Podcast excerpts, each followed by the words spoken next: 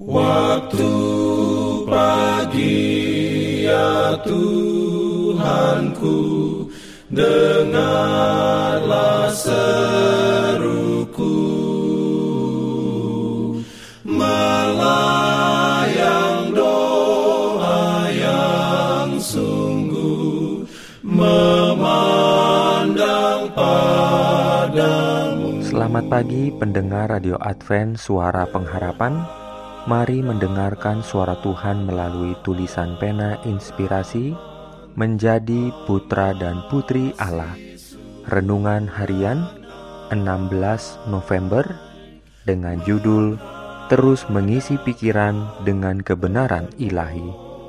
Ayat inti diambil dari 2 Petrus 1 ayat 4. Firman Tuhan berbunyi, dengan jalan itu, Ia telah menganugerahkan kepada kita janji-janji yang berharga dan yang sangat besar, supaya olehnya kamu boleh mengambil bagian dalam kodrat ilahi dan luput dari hawa nafsu duniawi yang membinasakan dunia.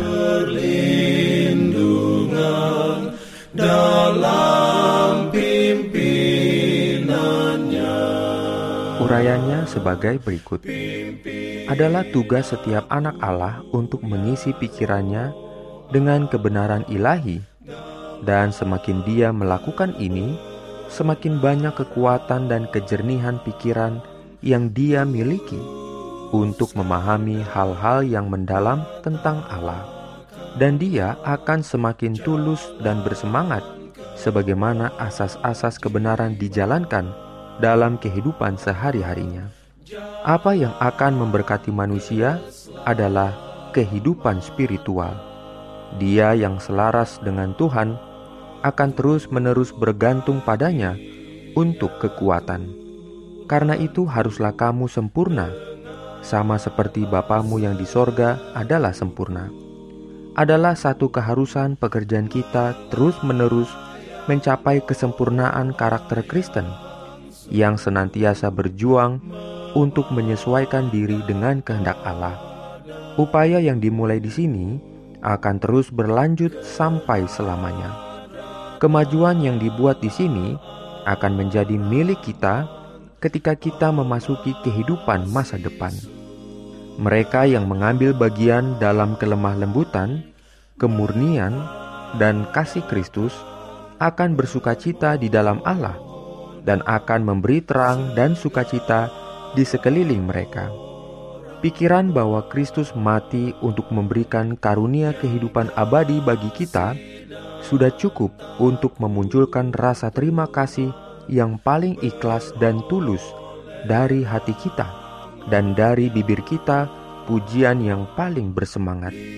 Janji-janji Tuhan itu kaya dan sempurna dan cuma-cuma.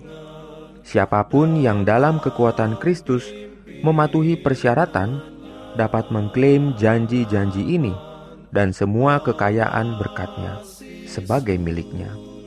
Dan sebagai orang yang mendapatkan pasokan berlimpah dari rumah perbendaraan Allah, dia dapat dalam perjalanan hidup layak di hadapannya serta berkenan kepadanya dengan menjadi teladan kesalehan akan memberkati sesamanya dan menghormati penciptanya.